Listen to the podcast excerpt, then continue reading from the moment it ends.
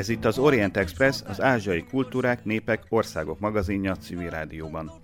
Salád Gergely vagyok, szerkesztőtársammal, Güzberger Dórával együtt üdvözlöm a hallgatókat.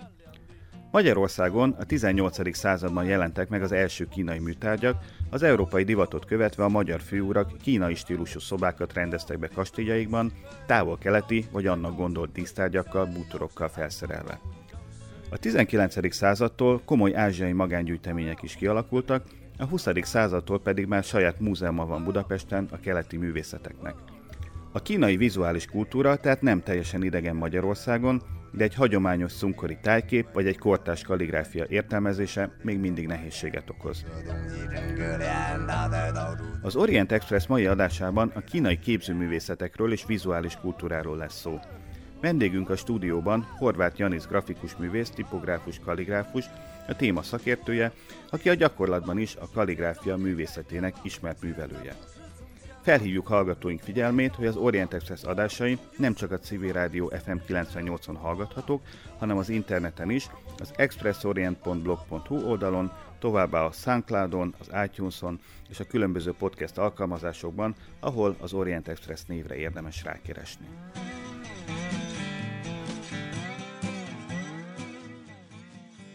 Vendégünk tehát a Civil Rádió stúdiójában Horváth Janis, grafikus, tipográfus, kalligráfus, akivel a kínai képzőművészetekről és vizuális kultúráról beszélgetünk.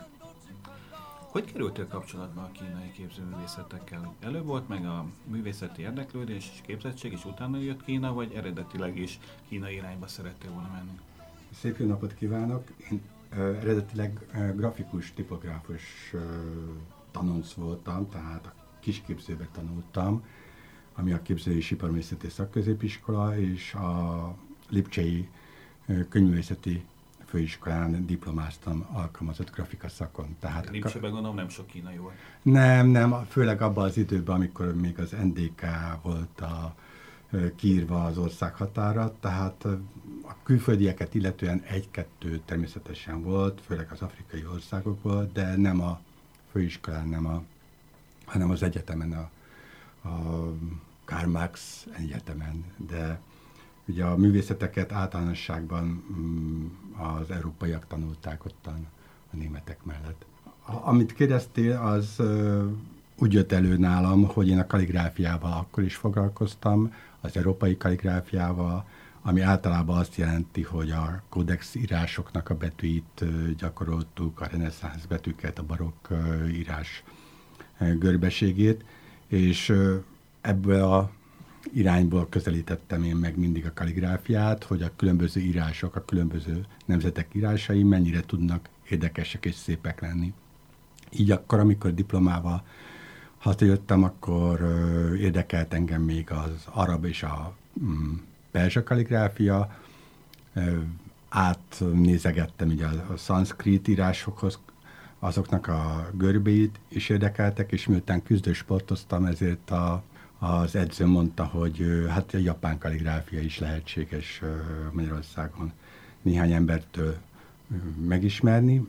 Így ezzel is próbálkoztam, és ott az egyik mester mondta, hogy hát, ha igazából szeretnék én kaligráfiával foglalkozni, akkor a szárazföld, a Kína, a kaligráfia nagy hazája, csak hát az volt a kérdés, hogy Magyarországon ki tanít kínai kaligráfiát abban az időben, az 1990-es éveket jelentette, senki nem volt.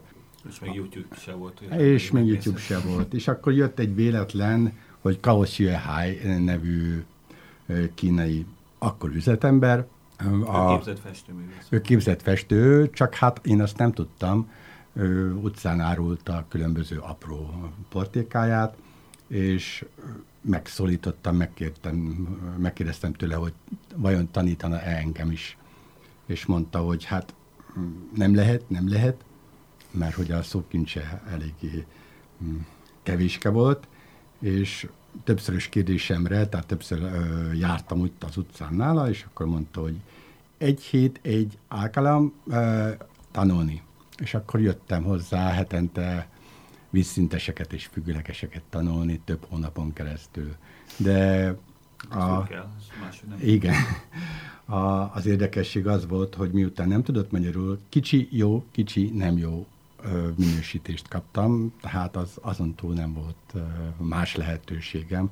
Tehát egy fél év eltelt, mikor már írásjegyeket is ö, lehetett tőle tanulni, csak azt nem tudtam, hogy mit jelent, sehol semmi. Én csak vonalakat húztam. Így találkoztam a kínai kaligráfiával. És aztán végül is csak kikerültél Hangzhouba, ahol az ottani nagyon tekintélyes művészeti akadémián tanultál, ugye? Igen, ez úgy történt, hogy P. Szabó Sándor tanár úr, akkor az eltének volt a kínai tanszéken a tanára, ő szólt rám egyszer a Kao mesternél a gyakorlásom közepette, hogy hát az úgy nem megy tovább, hogy nem lehet, tehát nem tudja az ember, hogy mit ír, csak vonalakat húz, úgyhogy tessék megjelenni az órámon.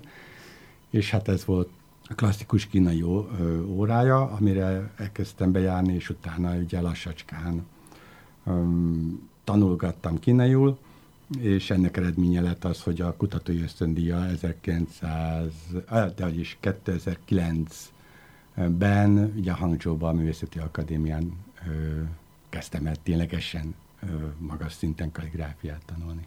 És ott mit szóltak hozzá a kínaiak? Nem volt bennük olyan, hogy á, egy külföldinek ez úgy se fog menni? Hát általában ez így van. Tehát először egy olyan osztályba kerültem, ahol a hobbi érdeklődők, akik vastag pénzt fizetnek, főleg amerikaiak, azokkal raktak engem is egy csoportba, és miután látták a tanáraim, hogy valahol egy kicsit komolyabban veszem ezt a dolgot, ezért átraktak a kínai mesterképzős diákok közé.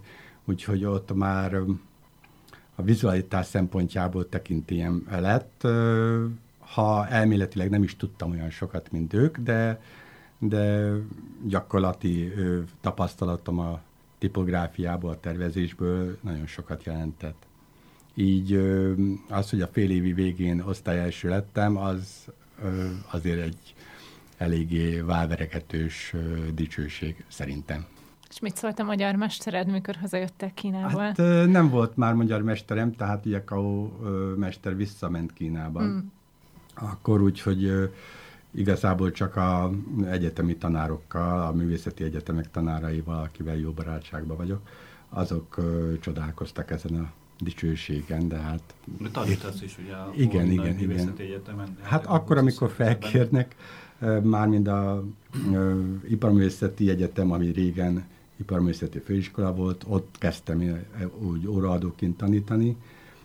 Most inkább a Metropolitan Egyetem a hívó, illetve hát Szegeden is, meg hát most az eltén is így óraadóként. Van érdeklődés a kínai képzőművészetek, és azon belül a kalligráfia iránt? Tehát, hogyha meg van hirdetve egy órát, mint ZI 241-es kódon kínai kalligráfia óra, óra, nem tudom, szabad kredites tanegység, az felveszik? Nem sűrűn, nem sokan. Általánosságban az a jellemző, hogy nagy elánnal jönnek a diákok, azt gondolják, hogy hát pff, egy egyszerű dolog, csak vonalakat kell húzni. Hát, hát igazából tulajdonképpen azt szoktam mondani az összes diáknak, hogy a kínai kaligráfia meg a festészet az semmi másban nem áll, csak egy jól meghúzott vonalból, és egy jól érzékel megtartott térközből. Tehát ha ez a kettő megy, akkor Wang Xichő követője lehet mindenki, tehát ez nem, nem kérdés. Wang Xichő az ugye a leghíresebb kínai kaligráfus a harmadik században? Negyedik században, században. igen. Azt olvastam, hogy a szakmai példaképed egy bizonyos Kan Tai Tiang. Ő kicsoda? Egy hongkongi mester, Kantai Kangnak írják, ugye a... Észak-Kína is ki, mert egy csáng, rendes kínai. Igen, igen, igen. De a latin betűs átírásnál Keungnak van írva, tehát Kangnak szokták ejteni. Ő egy idősebb, most már 77 éves grafikus, tipográfus, festő, kaligráfus egy személyben, aki a kelet-ázsiai, főleg kínai vizuális nyelvezetet próbálja úgy össze hangolni, összefésülni a nyugati tervezőgrafikai formákkal, aminek eredményeképpen ténylegesen világ szintű világhírű munkákat csinált. Tehát az a vizuális játék, amit a 60-as években a japánok elindítottak, ahol a Fukuda, Tanaka, meg a többiek fantasztikus tervező grafikai munkákat készítettek, főleg a plakáttervezésben. Ezeket ő próbálta kínai rajzolattal, kínai játékokkal együtt összekombinálni, és ennek eredménye lett az, hogy mind a könyvtervezés, mind a plakáttervezés, mind a magazintervezésnek az egyik ilyen újítója, átalakítója lett, aminek a ténylegesen ugye most nagyon sok kínai egyetemen az ő gondolkodásmódja szerint tanítják ezt a dolgot, ezt a vizuális kommunikációt. Neked van saját stílusod, akár a kalligráfiában, akár a grafikában? Tehát, hogyha mondjuk meglátok egy könyvborítót, amit te terveztél, vagy megláttuk egy kalligráfiát, amit te festettél, akkor ezt így fel tudom valahonnan ismerni, hogy ez egy, horvát, egy eredeti horvát janiszmű? Én szerintem van, de nem vagyok benne biztos, hogy így van.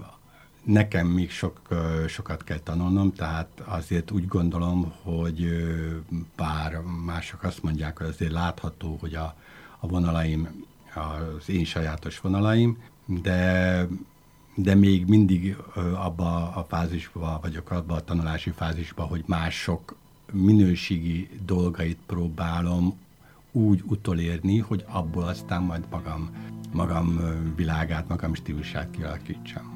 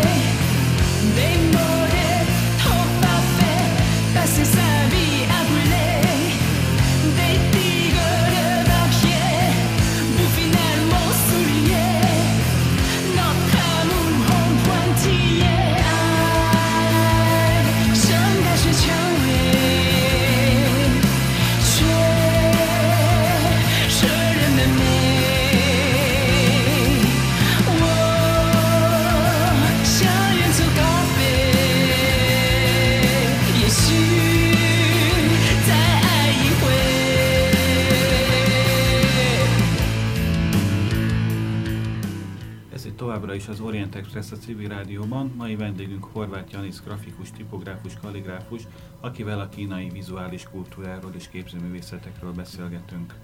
Ugye, éltél Kínában, és sokat foglalkozol hagyományos, meg modern kínai képzőművészetekkel, vizuális kultúrával is. Mi határozza meg ma a kínai vizuális kultúrát? Tehát mondjuk egy plakát, egy könyv, tehát egy igényesebb plakát, egy igényesebb könyvborító, egy igényesebb bármiféle, mondjuk egy honlap, hogy, hogy, hogy néz ki? Mik azok a elemek, amikről fel lehet ismerni, hogy ez nem valami nyugati dolog? Hát elsősorban ugye az írásjegyek. Ha ránézünk, akkor látjuk ezeket a mm, klakszokat, az írásjegyeket. Sokkal-sokkal kevesebb írásjegyet használnak a felület elfoglalásában, mint ahogy mi az európai latin betűs írásoknál.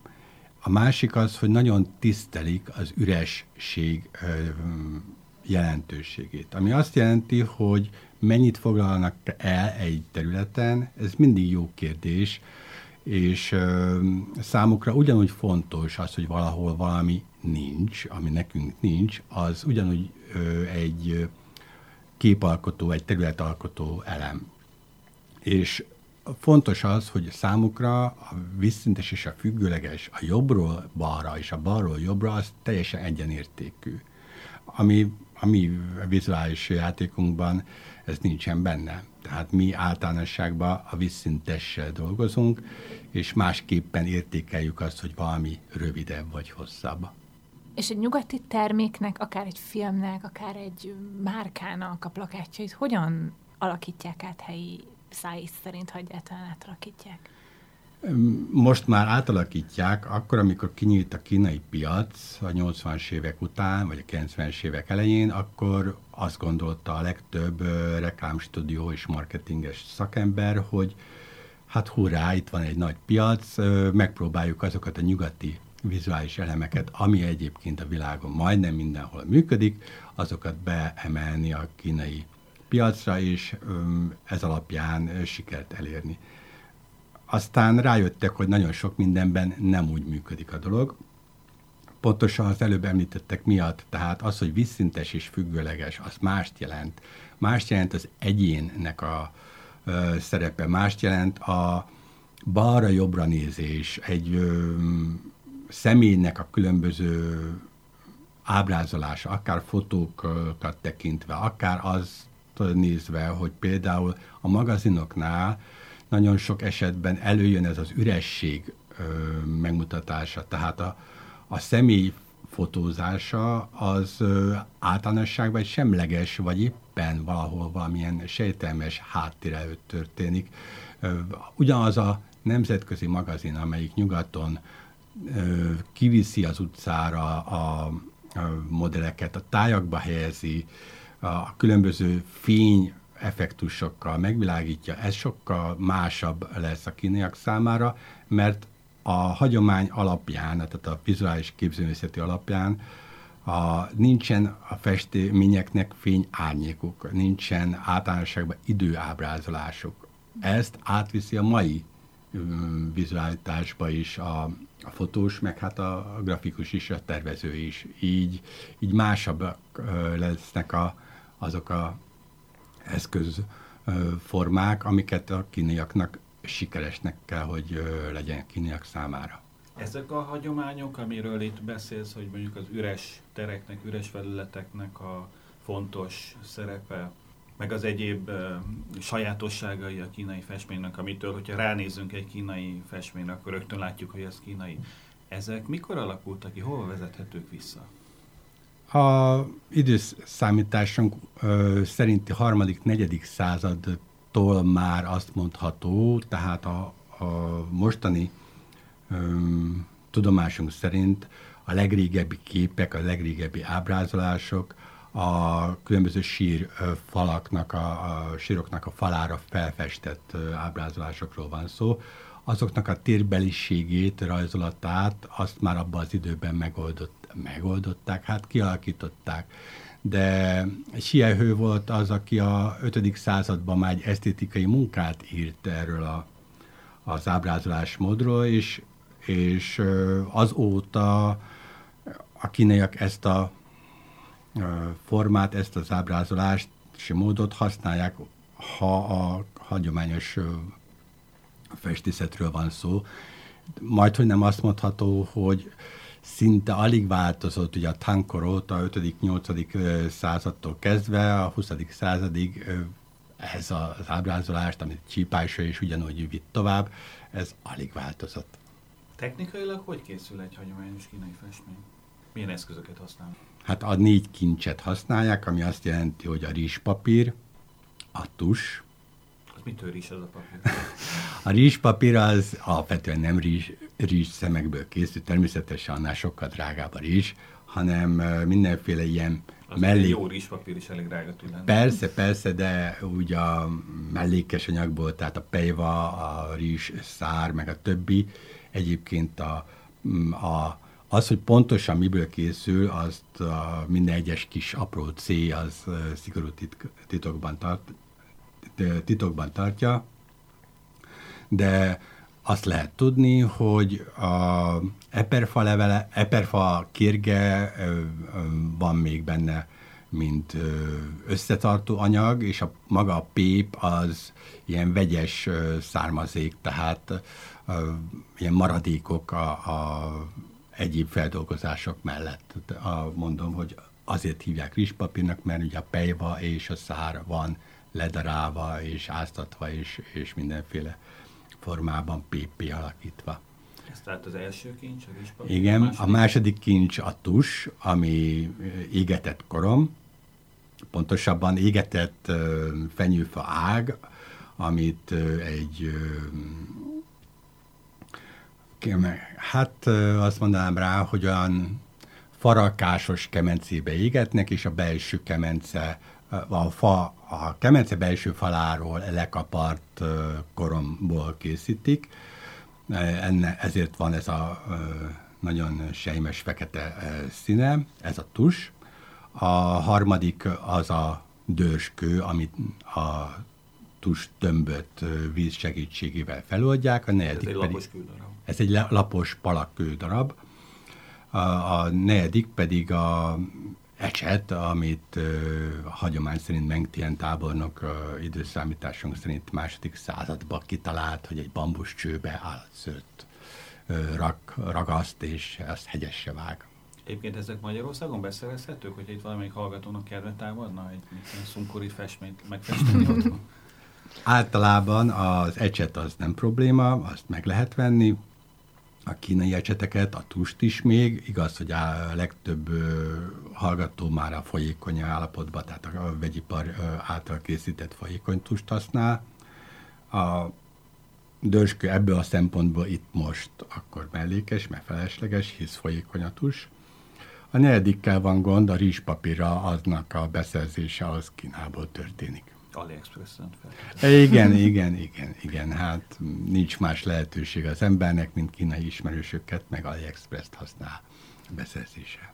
Nyilván használnak más szint is a feketén kívül, igaz? Ezek miből vannak? Milyen színezőanyagokat használnak? A hagyományos kínai festészet az nagyon kevés szint használ, olyan, mintha tempera lenne, tehát vízfestéket, hmm. csak nem kazeinnel van az összekötő anyaga a a pornak, hanem más ragasztós, más növényi ragasztást használnak a elkészítésénél, és nagyon kevés szint használtak, 6-8-6 összességében, és ezeket általában nem keverték, hanem rétegenként hordták föl a festményekre. Az jellemző, hogy a színes kép, mint olyan, inkább nekünk úgy néz ki, mint hogyha színezett lenne, tehát tussal van a legtöbb kép megfestve, és hozzá van rakva egy kis szín.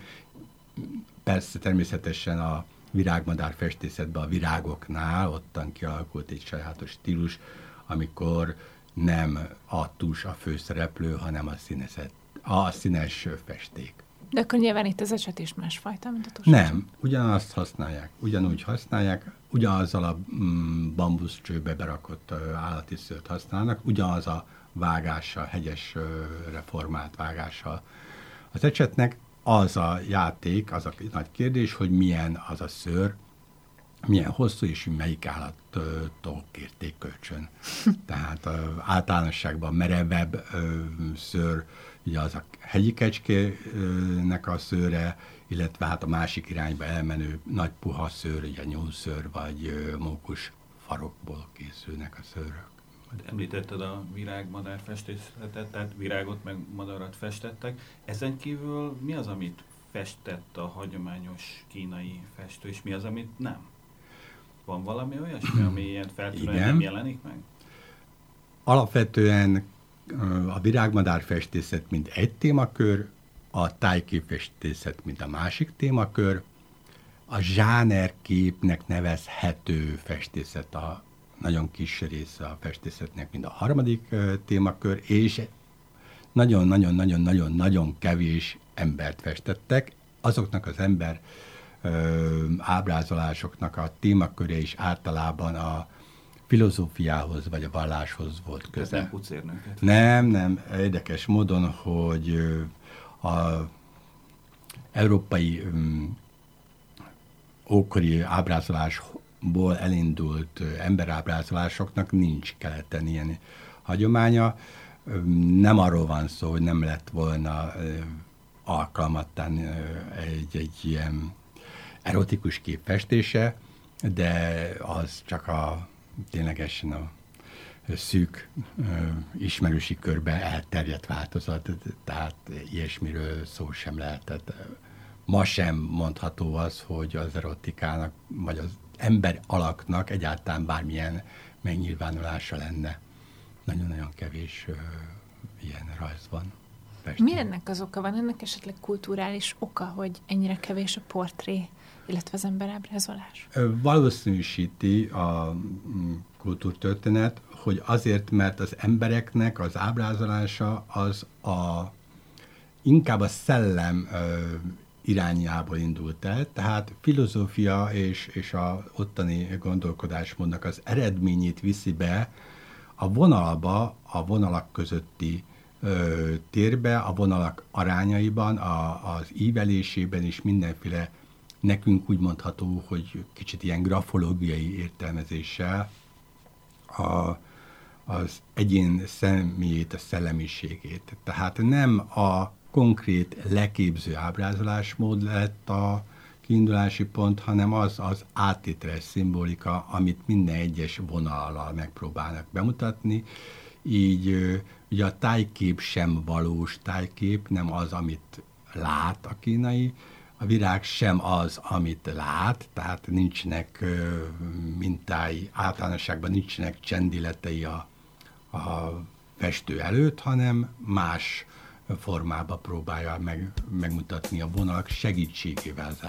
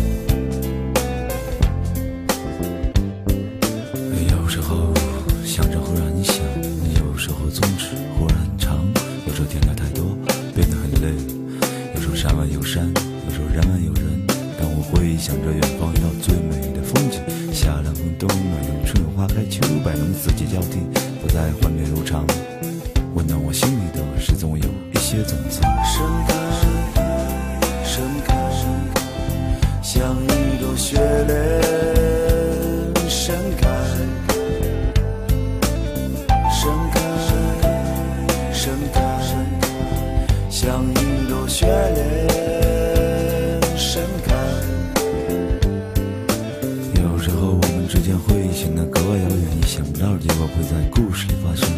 有时候你告诉我我没有错，是我的，我的，我的本能在闯荡。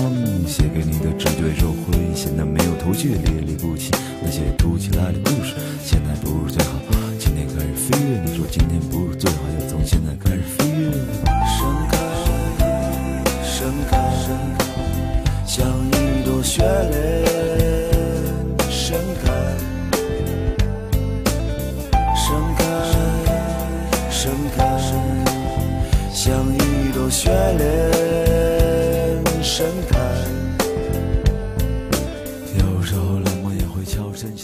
Továbbra is az Orient Express a civil rádióban. Mai vendégünk Horváth Janis, grafikus, tipográfus, kaligráfus, akivel a kínai képzőművészetekről és vizuális kultúráról beszélgetünk.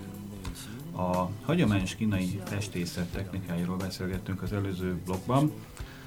A célja mi a festészetnek Kínában? Ugye más kultúrákban is létezik képzőművészet, festészet, de ezek azért rendszerint különböző célokat szolgálnak. A kínai festészetnek mi a célja? Ez egy dekoráció, hogy kidekorálják a lakást, vagy a művésznek az önkifejezése, vagy szórakoztatás, gyönyörködtetés, vagy mi? Nagyon erős kapcsolata van a kaligráfiával a festészetnek. Miután ugyanaz az eszköztár, ugyanaz az ábrázolási, kiindulási pont, a vonalaknak a tökéletessége, ezt meg lehet tanulni sok-sok gyakorlással, a, aminek eredményeképpen a vonalakból összeáll egy kép. Ez a képnek mindig mm, valamilyen szimbolikus felépítése történik. Tehát a szikláknak a rendszere, a sziklák struktúrája, a festés technikai játéka, Ez nekünk úgy tűnik talán, hogy a mm, alkotónak az ügyességét akarja bemutatni, miközben sokkal több ennél, mert, mert azt keresi, hogy az alkotó a saját szellemiségében, a saját személyiségében mennyire van jól. Tehát ha a grafológiai értelmében egy kiegyensúlyozott szeméről van szó, akkor persze gyakorlások után, akkor az a vonal is kiegyensúlyozott lesz. Ha problémája van valakinek, akkor a vonala sem lesz olyan egyenletes és ügyes. És hát ezt próbálja meg valahol megalkotni a, a gyakorló festő, kaligráfus, és ezt keresi a kínai néző is. A személyt próbálja megfejteni. Ezért fontos nagyon a gyakorlásoknál az ügyességnek az a fokának az elérése, hogy, hogy olyat tudjak alkotni, mint az előző mester csinált. Ezért vannak a másolások, másolások, és megint-megint másolások. Ha azt meg tudom tenni, amit a a mintapéldányként, a mintakönyvben benne van, akkor el tudom érni azt a érzületet, érzésvilágot, amit az előző mesterről gondolunk. Ha az működik, akkor rendben van, akkor léphetünk tovább. És így a kínaiak személy szerint szeretnének találkozni azzal az érzéssel, azzal a alkotóval, aki azt valamikor megalkotta. Nem a munkát nézik, nem annak az esztétikai szépségét szeretnék, hanem a, abba bele ö, koppintani, vagy bele érezni magukat, hogy mi lehetett az a munka ö, időben, az alkotás pillanatában, az az érzésvilág. Ha ez működik, akkor annak az embernek a taójával találkozik, és ha az ő tauja megvan, akkor én is megtalálhatom a saját taómat, a saját utamat. Ez egy nagyon nagy különbség a nyugati és a keleti ö, alkotásmód között. Tehát, hogyha mondjuk ugyanazt az írásért megfesti két ember, akkor onnan látjuk, hogy az, egy, az egyik egy jó alkotás, és mondjuk egy millió dollár, a másik pedig tucatáró és tíz jön, hogy mennyire fejezi ki a alkotójának a nem tudom, pillanatnyi szellemi állapotát, vagy felkészültségét? Igen. Így lehet mondani. Mert hogy, hogy azért tartanak valakit nagyon-nagyon nagy művésznek, miközben csak néhány nekünk Krikszkrakszot csinál, tehát Wang Szicsi az előbb említett mesternek is a munkái azért olyan fantasztikusak, mert olyan sajátos belső harmóniát ö, eredményez a vonal, vonalainak a meghúzása, már a másolóban is, amitől, amitől jó kedve lesz, amitől jó érzése lesz. Természetesen a, a másolásnak azt a nagyszerű fokát kell elérni, amikor ténylegesen ez az érzés elindul, de kétségtelen, hogy, hogy a nézőnek is egy kicsit persze foglalkozni kell vele, érteni kell hozzá. A nézőnek is szimpatikusak lesznek az olyan munkák, amelyek a vonalban így tartalmaznak pozitív energiákat, és fura érzése lesz annak a diáknak is, aki mondjuk a Mifu egy-egy korszakában megrajzolt egyébként nagyszerű kaligráfiáját másolja, mert olyan mondanám azt, hogy horrorisztikus élménye lesz az arányokból adódóan vonalak rajzolatával, ami kellemetlen érzést eredményez. Mert Wang egy nyugodt ember volt, mi uh, Igen, hát a Wang nem sokat írtak le a saját idejéből, ugye ő a 4. századról van szó, mm, tehát utólag rekonstruálnak sok mindent a okosok, de hát Mifuról ténylegesen tudjuk, ugye az ő életét jobban követi a kultúrtörténet, hogy hát egy eléggé extrovertált személyiség volt, miközben a maga módján természetesen zseni. Ez egy hihetetlen érdekes kontraszt, hogy a, valahogy azt, vagy számomra az jött le abból, amit mondtál, hogy a kínai festészetnek előfeltétele az, a jóságának az előfeltétele az, hogy valaki harmonikus személyiség legyen. Még a nyugati festészetben ez egyáltalán nincs így. Tehát például a legnagyobbnak értelmezett festők, mint például Van Gogh vagy Dali, ezért köztudottan igencsak zűrös személyiségek voltak. Mit kezd egy kínai Dalival mondjuk? Hát ő ezt pontosan értékeli, e, ebből adó, abból adódóan, hogyha megismeri a nyugati festészetnek a mm, vizuális stílusvilágát. Előtanulmány nélkül ő is azt mondja, hogy hát össze-vissza rakoskatott vonalak, meg formák, meg színek, meg pacák. Tehát ez, ez egyértelmű. A, kultúra megismerése, a vizuális nyelv megismerése az mindenféleképpen szükséges mi is ebbe a hibába estünk, és még talán sok ember úgy ebbe is beragad, hogy azt gondoljuk, hogy a mi esztétikai értelmezésünk alapján azok, amik keleten készülnek, azok hát valamilyen fertelmes variációk, és hát nem is tudjuk, hogy miért értékelik millió dolláros címletekkel kifizetve egy-egy nagy mesternek a munkáit. Tehát itt volt uh, Csipásőnek a kiállítása 2015-ben a Nemzeti uh, Galériában fent, és sajnálatos módon nagyon kevés ember tudta ezt valóságában értékelni. Azért is problémás ez szerintem, mert kevés ismertető anyag készült hozzá, és kevés olyan olyan ö, lehetőség, aminek eredményeképpen tán az érdeklődők többet tudhattak volna, mert ezt a formanyelvet mi nem ismerjük. Tehát az, hogy van egy két méter magas és másfél méter széles papír, és rajta van egy rák, csak egy darabka rák, és csak hogy miért ott van és miért úgy, ezzel mi nem tudunk mit kezdeni addig, amíg az üresség szerepét meg nem tanuljuk. Tehát ezt ezt össze-vissza fordítottan is kell. Azt mondhatom azért, hogy a kínaiak nagyon-nagyon sokat foglalkoznak, főleg azon a területen, ahol én is tanultam a Művészeti Akadémián, ott nagyon sokat foglalkoznak a nyugati vizuális nyelvvel. Este fél kilenckor voltak azok a filmművészeti órák, amelyek a filmet levetítve utána elemzéssel foglalkoztak, hogy miért így csinálta a kameraman, miért, mikor lett, hogyan, miképpen vágott a, a vágó, és mitől volt erős Hitchcocknak a, a krimiei. Ezt akartam kérdezni, milyen filmeket néztek a, Hangzsói Művészeti Akadémiának? Mindenféle, mindenféle, igen, mindenféle nyugati és nagyszerű filmeket, tehát, tehát nagy klasszikusokat. Uh, nagy klasszikusokat, de benne volt természetesen azért modern film is, tehát a, a Kibilit is ott uh, vetítette a, egyik tanárunk, uh, aki egy nagyon jó esztéta egyébként, ugye a egyetemnek az egyik professzora, egy fiatal ember, Szű Shan Chunnak hívják, Sun Shan Chun. Ő volt az, aki ezt az órát tartotta, és nagy érdeklődéssel néztük, és próbáltuk elemezni. Többször kérdezett engem is, hogy mi a véleményem.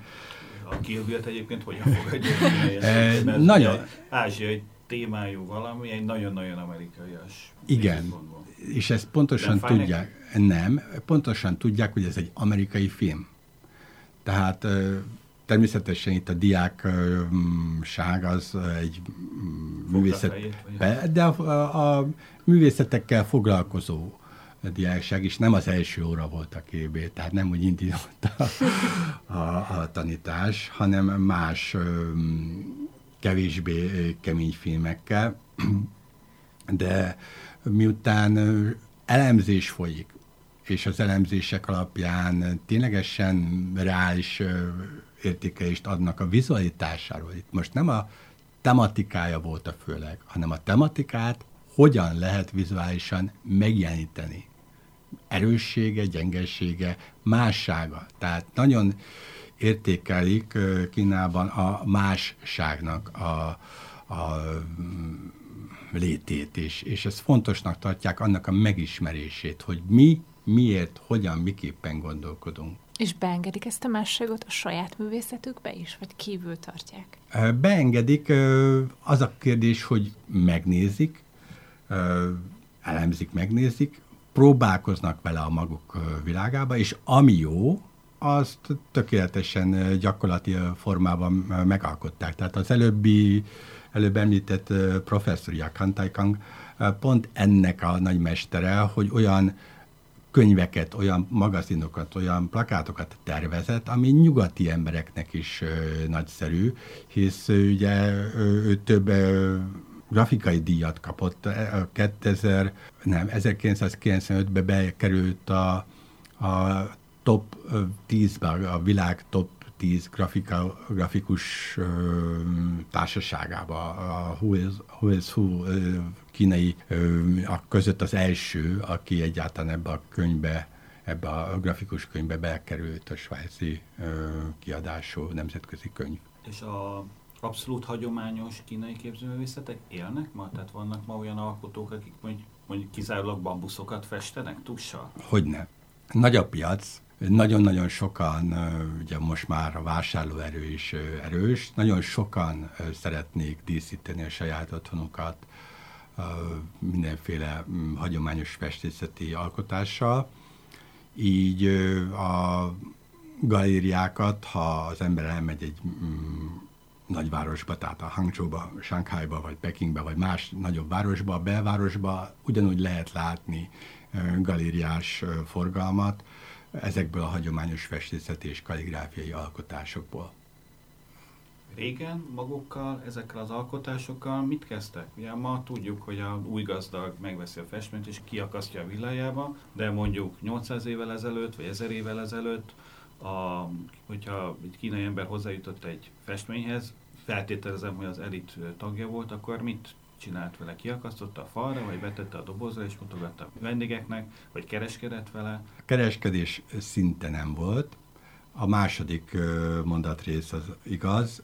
Miután írás tudók foglalkoztak ezzel a dologgal, az írás tudáshoz általánosságban kellett egy nagyfokú ismeretanyag, és valamilyen hivatalnoki munkakör, aminek eredményeképpen volt arra lehetősége, hogy bekerüljön azok közé, az emberek közé, akik az írással, a kaligráfiával magas szinten tudtak foglalkozni. És a dobozba tartották ezeket a képeket, akár mm, tekercskép, akár faliképről van szó, és ténylegesen, hogyha jött a vendég, vagy volt egy kisebb társaság, akkor vették elő ezeket a képeket, és mutatták meg, hogy milyen gyűjteményük van.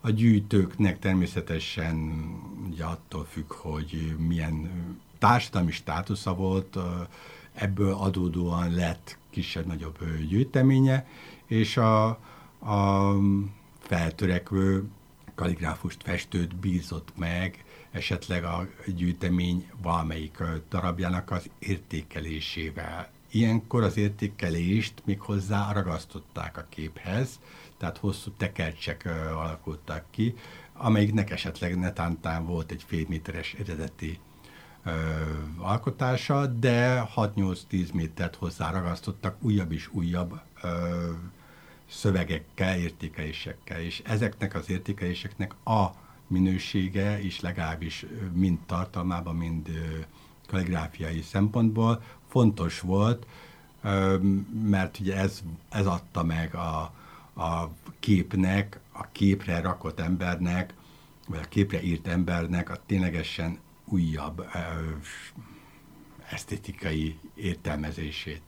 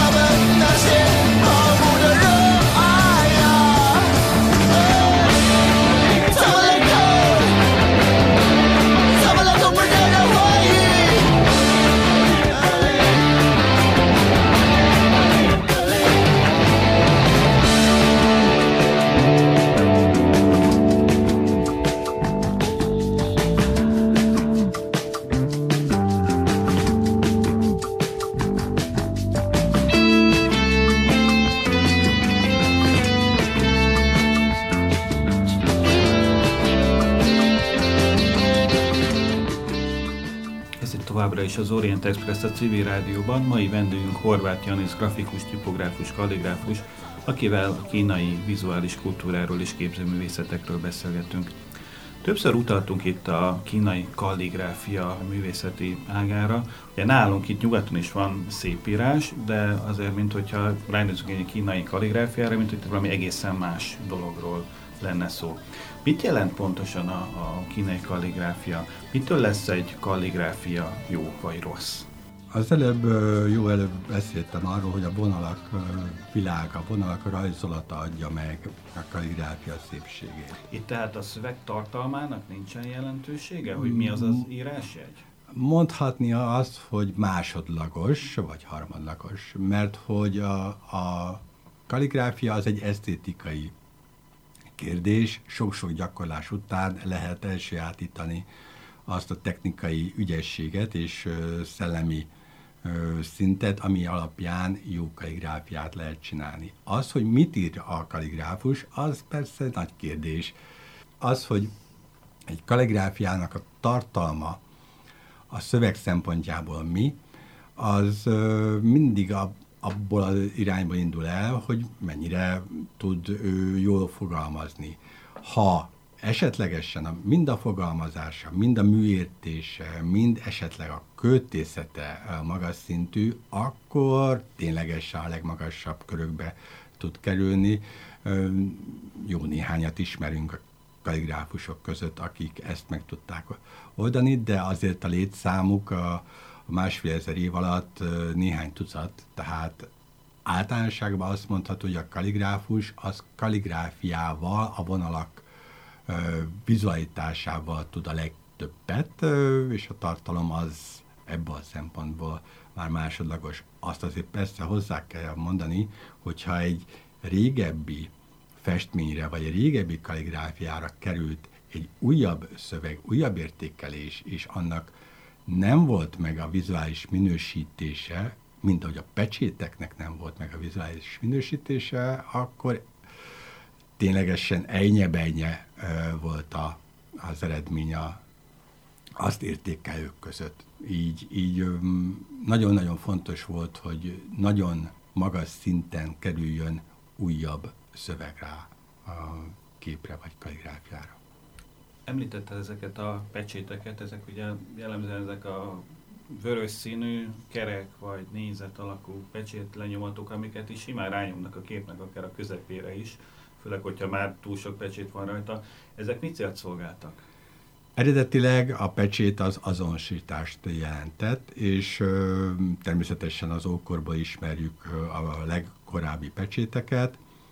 Um, általában zsírkőből készült és néhány írásjegyet tartalmazó pecsét, mondom, azonosításnak az, azonosítás volt a feladata. Később lett egy esztétikai külön műfaj. Természetesen az az általánosan elfogadott gondolat, hogy a pecsét, egy pecsét az alkotónak mindenféleképpen rá kell, hogy kerüljön a képre. Ha nincsen a, a alkotáson egyetlen egy pecsét, akkor nem érte el azt a színvonalat, amivel valaki kvázi aláírná ezt a munkát. Tehát mm, szükséges a pecsét, és az egy ö, alkotónak sok pecsétje is lehet, a saját faragása is, illetve hát természetesen mások bérfaragásait is felhasználták mindig is. Ismerünk nagyon-nagyon ügyes egyedi rajzolattal megalkotó festőket, kaligráfusokat, akik a pe- saját pecsétjeiket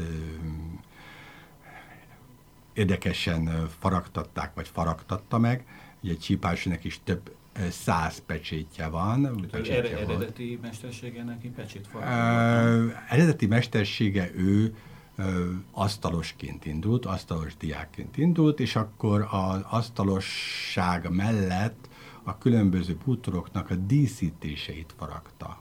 Abból lett ez az ügyessége, ez a kézügyessége, amiből aztán ténylegesen pecsét faragást is tanult végül Aztán is. Akkor megmondta, elment festőnek. E, majd, hogy nem, igen. Hát korábban ment el festőnek, korábban volt ő már ismertebb. Igaz, hogy a, a kínai elit nem nagyon fogadta be, mert olyan képeket készített, amelyiknek a tárgya a apró állatok, apró olyan állatok, meg növények, meg zöldségek, meg gyümölcsök, amiket a kánon nem tartott értékesnek. Tehát a békát, meg a, a egyéb ilyen csótánytól kezdve mindenfélét festető a saját képeire, rohadt gyümölcsöket is, és hát ezt a kánonos akadémisták nem tartották tiszteletteljesnek. Visszatérve egy kicsit a pecsétekre, milyen jelentősége van annak, hogy hol van a pecsét egy alkotáson? Jelentése, mm, jelentősége így nincs. Természetesen ezt is meg kell tanulni a tér kihasználás szempontjából. Tehát akkor, amikor elkészül egy kép, akkor a alkotó már úgy betervezi, hogy egyáltalán kerül rá kaligráfia, igen, akkor annak milyen vonal stílusa lesz rajta, milyen hosszúságú a szövege, milyen egyedisége lesz alkalmattán, és mellé, vagy valahova, hova kerül mindenféle pecsét. Tehát a pecséteknek a nagysága, pozitív, negatív ö, olvasata, formája, mind-mind-mind nagy kérdés. Ezt meg kell tanulni, ezt is. Vannak ma Kínában professzionális kalligráfusok, akik ebből élnek, és mondjuk Hogyne. ilyen sztárnak számítanak? Hogyne, hát mondhatnánk azt, hogy mondhatnánk azt, hogy ténylegesen ö, vannak ö, nagymesterek, ma is, ö, ugye itt több százezer yuanről vagy dollárról beszélgethetünk akkor, amikor ezeknek a, az árfolyamairól van szó, tehát milliós értékeket képvisel egy-egy kalligráfusnak a munkái. Meg lehet nézni a galériák kínálatát. Magyarországon valaki szeretne közelebbről megismerkedni a kínai kalligráfiával vagy festészettel, akkor milyen könyvet, illetve milyen tanfolyamot, lehetőséget ajánlana a figyel- figyelmében? Nagyon kevés kiadványunk van magyar nyelven. Miklós Pál tanár úr írt egy nagyon nagyszerű könyvet, a Sárkány szeme. A Sárkány szeme, ezt a 70-es években adta ki a Corvina kiadó antikváriumban olykor meglelhető. Sajnálatos módon nincs több. Van egy kínai kaligráfia című kis kiadvány, amit nemrég adott ki a Pekingi Rádiónak a magyar nyelvű szerkesztősége. Ezt lehet még olykor megkapni a valamelyik nagyobb kereskedelmi egységben, ilyen könyvkereskedésnél, de egyébként sajnálatos módon nem, mert hogy ennek a technikáját nem olyan ismerik, így hát az, amit én tanítok, vagy netántán Zhang Wei mester, ugye a kínai nagymester foglalkozik még magas szinten kaligráfiával, tudtommal, így hát tőlünk lehet tanulni akár a keleti nyelvek iskolájában, ahol én tanítom a kaligráfiát, akár a mester által vezetett iskolában. Nagyon köszönjük Horváth Janisznak, hogy elfogadta meghívásunkat, és köszönjük a hallgatóinknak a figyelmet. Önök az Orient Express, a Civil Rádió ázsiai magazinját hallották, a műsort Salád Gergely és Güntberger Dóra vezették. Tartsanak velünk a jövő héten is. Felhívjuk figyelmüket, hogy az Orient Express adásai podcast formában és az interneten is elérhetők. A címünk expressorient.blog.hu, emellett Orient Express néven ott vagyunk a Soundcloudon, az iTunes-on és az egyéb podcast alkalmazásokban is. A Facebookon a Pázmány Péter Katolikus Egyetem Modern Kelet-Ázsia kutatócsoportjának oldalán lehet megtalálni az adásokat és készítőiket. A viszont hallásra!